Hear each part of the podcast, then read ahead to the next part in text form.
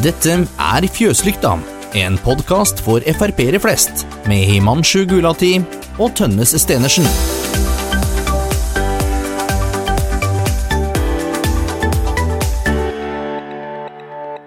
Vi er så heldige å ha med oss FrPs nye superstjerne, Jon Engen Helgheim. En enkel gartner fra Drammen, skrev Dagsavisen om deg noen dager siden, Jon. Er det en passende beskrivelse? Ja, det var vel mitt eget utsagn, så jeg kan vel ikke akkurat ta dem på det. Eh, det vi snakka om, var jo at eh, jeg har plutselig havna på Stortinget, og plutselig har jeg stått i noen mediestormer hvor det liksom stimler rundt med journalister, og jeg får ikke gått inn til møtet der jeg skal engang. Og det øh, var Da sa jeg at det syns jeg er litt sånn uh, artig. Uh, å plutselig havne der fra å være en uh, ganske enkel anleggsgartner. Ja. Jo, nå er det jo ca. tre uker siden saken om IS-kvinnen sprakk. Trodde du den tirsdagskvelden at Frp ville ende med å gå ut av regjering? Eh, jeg eh, har nok hele tiden eh, trodd at den saken hadde et potensial til å kunne felle en regjering, eller også splitte opp en regjering. Så det kom ikke som noe overraskelse i det hele tatt at partiet var veldig tydelig på at dette kunne vi ikke bli med på. Det, var over det som var greit for oss å stå i. Så og det har jo vist seg etterpå. Dette var riktig håndtert av oss. Når du kom hjem eh, den kvelden til Drammen, eller hjem til deg selv, eh, var det gravøl eller champagne? Ja, det, hva var det det var? Jeg dro en tur på et utested, og der møtte jeg på Dagbladet utafor. Og da, da, sa jeg De spurte om det samme. Jeg sa vel til de at eh, jeg skulle ta en skål for Siv. Ja. Så det var det det blei til.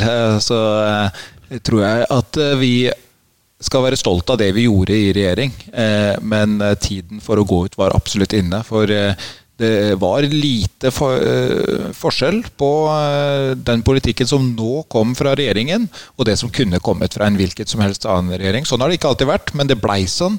Den blei grå og kjedelig, som, uh, som, Siv sa. Og vi har prøvd å pushe og piffe opp politikken, men de andre har vært litt bremseklosser. Mm. Jeg har bare lyst til å spørre deg, Jon, nå som du liksom er blitt en av Norges mest frittalende, egentlig, kan vi si, og en av de fremste politikerne vi har. Eh, hvordan, for, du, for, du har jo flere ganger sagt at jeg, er utenfor formell utdannelse. Her står det med en enkel gartner fra Drammen. Eh, hvordan føler du at din bakgrunn har vært når du har kommet inn på Stortinget til dette store miljøet med mange mennesker, hvor mange skryter av sin bakgrunn? Altså Det er veldig vanlig å skryte av bakgrunnen sin, og det er gode grunner for det. Mange har grunn til å være stolt av både utdanningen sin og bakgrunnen sin, og jeg er også det. jeg har nok lenge gått uh, i uh, anleggsklær sammen uh, anleggsarbeidere og irritert meg over politiske beslutninger fra, som er tatt av folk som aldri har vært i våre sko, men som vi må følge opp. Eh, og det kommer mye rart ut av det. Eh, så jeg ser på det som en fordel å ha vært mye ute eh, blant vanlige folk og jobba på gulvet og sett hva politiske beslutninger faktisk kan føre til. Og det, fall, det bestemte jeg meg tidlig for å aldri glemme. At disse beslutningene vi gjør, de har noe å si. Og det lønner seg å ha litt kunnskap og kanskje ha jobba litt med forskjellige ting. Vært ute i arbeidslivet eh, for å se hva det koster. Jeg har vært i flere forskjellige jobber også hvor eh, jeg virkelig har fått sett hva politiske beslutninger kan komme ut på. Gode intensjoner som eh, viser seg å ikke gå så bra som kanskje politikerne hadde drømt om. Jeg føler du at det er så lett som du trodde før å gjøre noe med det? Du merker jo veldig fort også da når du begynner med politikk at ting tar tid. Det er kanskje det første du merker. Eh, så man får også en forståelse for eh, at du må ha grundig eh, saksgang. Det, er det gode grunner til, men det er litt vel siderumpa. Det, det må jeg nok innrømme. Jeg tror veldig mange i Frp i hvert fall er veldig utålmodige. Vi ville gjerne ha gjort litt mer på kortere tid. Eh, og det hadde det også vært rom for. Du har jo også erta på deg en del høyt utdannede grupper, bl.a. Eh, forskerne, hvor du tok et oppgjør med politisk eh, forskning, eller den politiserte forskningen, en stund tilbake. Kan du fortelle hvorfor det er viktig, og kanskje gi noen eksempler på hvor politisert forskningen kan være? Ja, jeg mener spesielt innenfor samfunnsforskning, eh, som eh, jeg eh, må bruke mye tid på å forholde meg og både lese, og så må jeg forholde meg til det forskningen eh, sier. Eh, det syns jeg er viktig. Vi har ikke noe annet å basere beslutninger og politikken på enn forskning.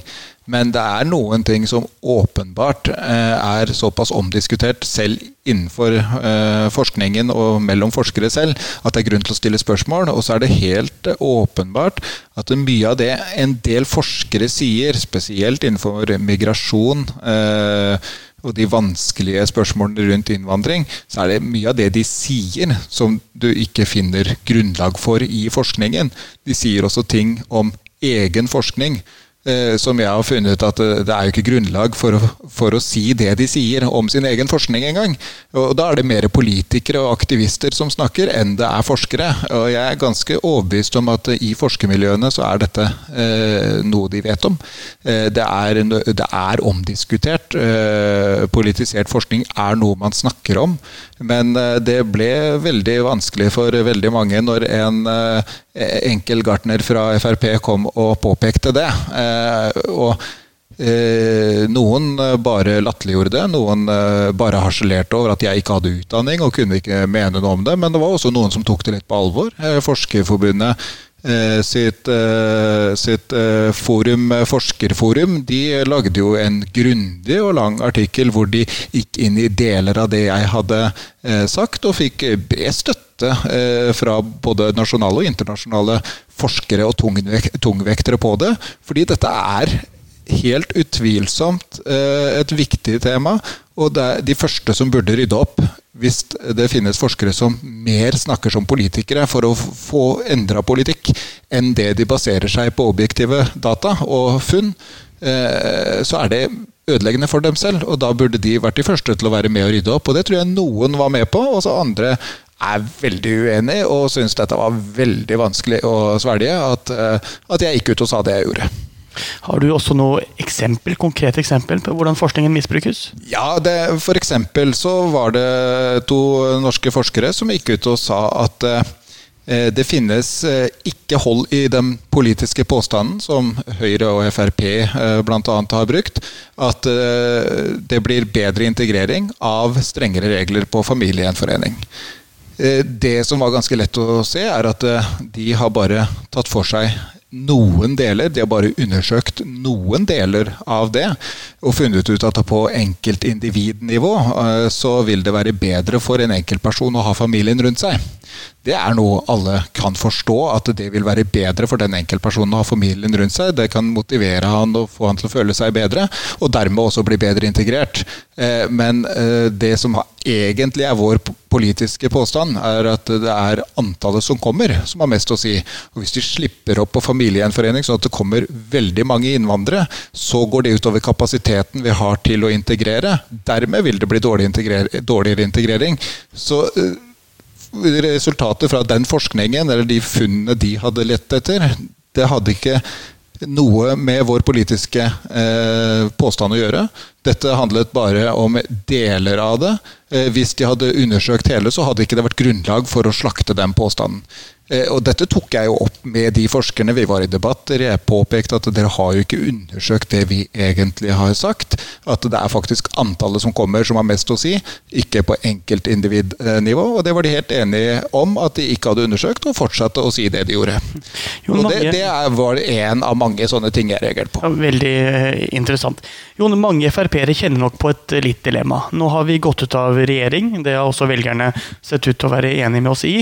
Men vi skal jo gå til valg neste år på å kanskje gå inn i regjering igjen. Er de så smart av Frp, og hvordan henger egentlig dette sammen? Ja, altså Det er ikke noen andre grunner til å drive med politikk enn å prøve å få høyest mulig oppslutning, sånn at du kan komme i posisjon til å endre. Og hvis du vil endre samfunnet i retning av det vi mener er eh, bedre, eh, så er det jo gjennom regjering at vi gjør det. Men jeg føler meg veldig lite sikker på om det er klokt å gå inn i regjering eh, dersom eh, vi ikke har styrke nok til å få gjennomført nok. Altså Hvis vi stadig må gå på nederlag eller kompromisser eh, fordi vi ikke er store nok til å få fullt gjennomslag, så kan det være vanskelig. Og en annen ting eh, som jeg tror irriterer folk, det er at det er små partier som Venstre og KrF, som nesten ingen har stemt på, og som dermed har en politikk som nesten ingen vil ha, de får eh, regjeringsmakt eh, via større partier, og får da et sånt uforholdsmessig stort gjennomslag for den politikken som nesten ingen vil ha. Og så sitter da velgerne igjen med svarteper om å eh, ta imot politikk som ingen har bedt om, og som ingen eh, har stemt på, eh, fordi eh, vi har gitt dem den eh, muligheten. Og det syns jeg er et problem. Derfor er jeg skeptisk til at vi skal hive oss på en uh, ny uh, runde med de to småpartiene, mm. som kommer til å presse fram en politikk som ingen har stemt på, som ingen vil ha. Jeg leser den nevnte artikkelen fra Dagsavisen, at uh, tidligere så var din store politiske helt Anne Inger Landstein. Ja, det stemmer faktisk. Det at den første politiske saken som jeg engasjerte meg noe i, da var vel 12 13 år, må jeg vel ha vært, mm. når det var EU-avstemning. Og jeg med flere av eh, familiemedlemmene var eh, ihugga motstandere av EU. Og fulgte den saken veldig tett. Og da var det jo nei-dronninga som var den store helten. Så hun var nok det første sånn politiske helten på den måten, uten at jeg noen gang eh, senere har vurdert å stemme Senterpartiet. Eh, så eh, begynte jo den interessen for politikk kanskje med den enkeltsaken. Men burde Frp samarbeide med Senterpartiet? Ja, så Hvis Senterpartiet velger seg litt bedre venner, så hadde jo det vært mulig, tror jeg. Og bedre venner kunne f.eks. vært borgerlig side. For de har, og det, det er ikke noe tvil om at Trygve Slagsvold Vedum har mye bra eh, utsagn, i hvert fall. Så er det jo noe helt annet ofte hva de eh, gjør når de får muligheten til å gjøre noe. Men han snakker eh, på en måte som Frp kan være veldig enig i. Eh, men eh, vi vet også at Senterpartiet er et veldig delt parti på våre viktigste saker. altså F.eks. innvandring, som er veldig viktig for Frp. Så har vi én stemme, én profil eh, som vi har, og én politikk som vi står veldig samla bak. Det kan man ikke si om Senterpartiet. De har nok en, en mer delt gruppe både her på Stortinget og ute i, i på grasrota. Så vi kunne nok fått eh, en god del eh, samarbeid på viktige saker. Eh, men nå har jo de insistert på å samarbeide med venstresiden. Og de må jo da gå i regjering eventuelt, sånn som det ser ut nå i hvert fall, med Miljøpartiet og Rødt og den type ja, riffraff for å få makt. Og det er det nok mange som stusser på. Jon, helt til slutt. Er det én ting du kan fortelle folk de kan, som de kanskje ikke vet om deg, og, og som vil overraske dem? Tja Det er sikkert uh, mange ting som uh, folk ikke vet, og det bør kanskje forbli sånn.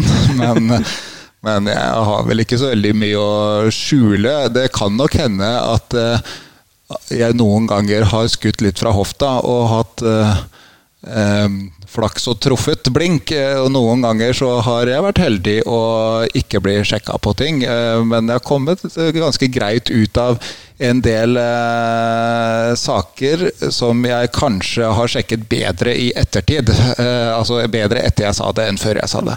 Men jeg har lært også, så det er sjelden jeg gjør det nå. Takk for at du kom til oss, Jon Helgheim, og lykke til videre på Stortinget. Takk.